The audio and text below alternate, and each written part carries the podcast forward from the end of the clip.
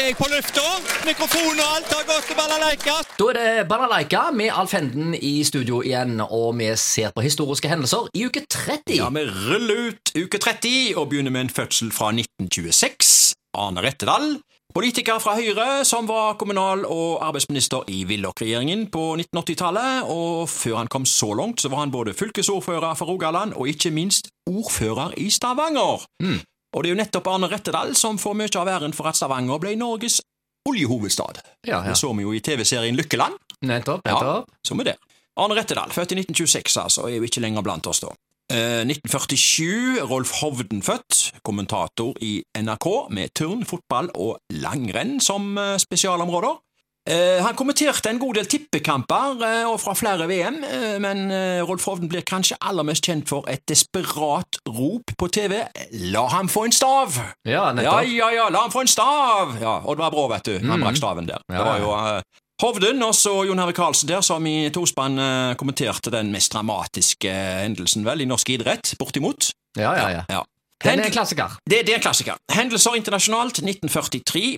Benito Mussolini blir avsatt som Italias eh, statssjef, og han fikk så visst ingen vakre ord på veien av kong Victor Emanuel 3., som sa Min kjære leder, han begynner godt da. ja. Mine soldater vil ikke lenger kjempe. I dette øyeblikket er du Italias mest forhatte mann. ja, nettopp. Ja, det var ikke noe vakre avskjedsord, det. Nei. Og Mussolini ble jo senere henretta. Ja, ja, ja. Ja. Han var bestekompis med Hitler. Han var jo det, han var jo fascist. Ja. 1976, romsonden Viking 1 tok det berømte bildet av ansiktet på Mars, eh, som var en 1600 meter lang fjellformasjon, uh, som i fugleperspektiv ser ut som et ansikt med nese, munn og øyne. Ja, oss vanlige levende, vi får vel aldri uh, se Mars i fugleperspektiv. Ikke med våre egne øyne, Nei. men kanskje i form av et eller annet foto fra en drone. Ja, det regner jeg med egentlig med. ja, Ja. ja. Vi går på lokale hendelser. Hva gikk på kino i uke 30? Jo, eh, 1979 har jeg tatt for meg i dag. På Edda gikk Walt Disneys Donald Duck i Villmarka, en barnefilm da. Og så gikk filmen Se opp for Gloria, en komedie med Goldie Hawn og Chevy Chase. Og på nattkino gikk Mordet på en kinesisk bookmaker. Mm. Ja. Og på Grotten så gikk filmen Å for et bryllup med Mia Farrow og Geraldine Chaplin. Det var kinomenyen i 1979. Og så går vi på 1977. Overskrift i Haugesunds Avis Spennende og prikkfritt stuntshow.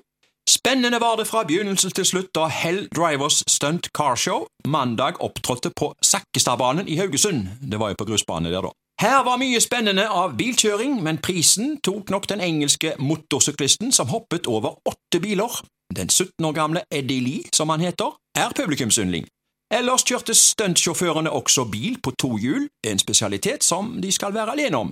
Om showet var spennende og det var mye akrobatikk som ble vist, var det mange som mente at showet var atskillig bedre da den norske stuntmannen Arne Berg var med. Hans spesialitet var utsprang fra store høyder og pleide å lande i en haug med pappesker.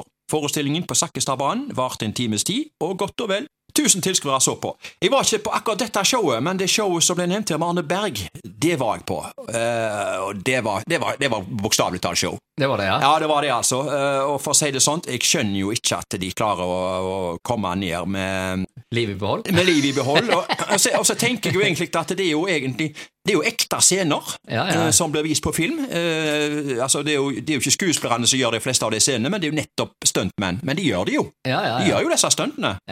Så eh, det var meget Imponerende. imponerende med Arne Berg der, altså. Ja, ja. Du kunne tenkt deg å prøve det sjøl? Nei, det kunne jeg definitivt ikke. Har- Vi har jo vært borti litt av hvert sånn ufrivillig, men eh, Ja, ja. Ikke, ikke frivillig. Absolutt ikke. Og, Over åtte biler?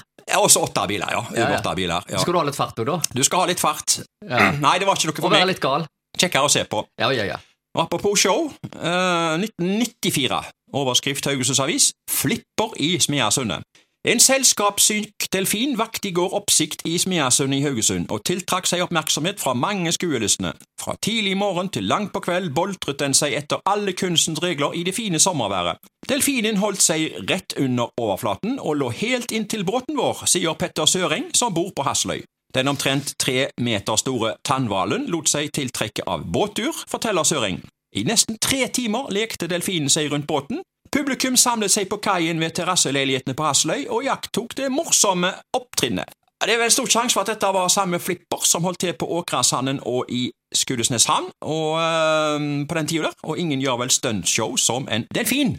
Arne Berg eller Flipper? Hva går vi for? Ja, men, men jeg tror vi går for uh, flipper. eh, Ja. det, det må vel være en klassiker. Ja, det er klassiker. Uh, jo, det har jo vært både filmatisert i TV-serier på 60-tallet og senere som film, spillefilm. Og det er jo artig å se på, og det er egentlig utrolig å tenke på at en delfin kan bli så uh, Tamme? Ja, så menneske, glad Ja. i mennesker. Jo, men altså, delfiner generelt er veldig sånn nysgjerrige på mennesker, Ja. har vi jo sett. Ja, de gjør det. de dukker opp uh, både her og der. Ja. Og da er det egentlig bare én ting å spørre om. Ja da! Delfiner! Hot or not? Ja, det er hot. Det er hot.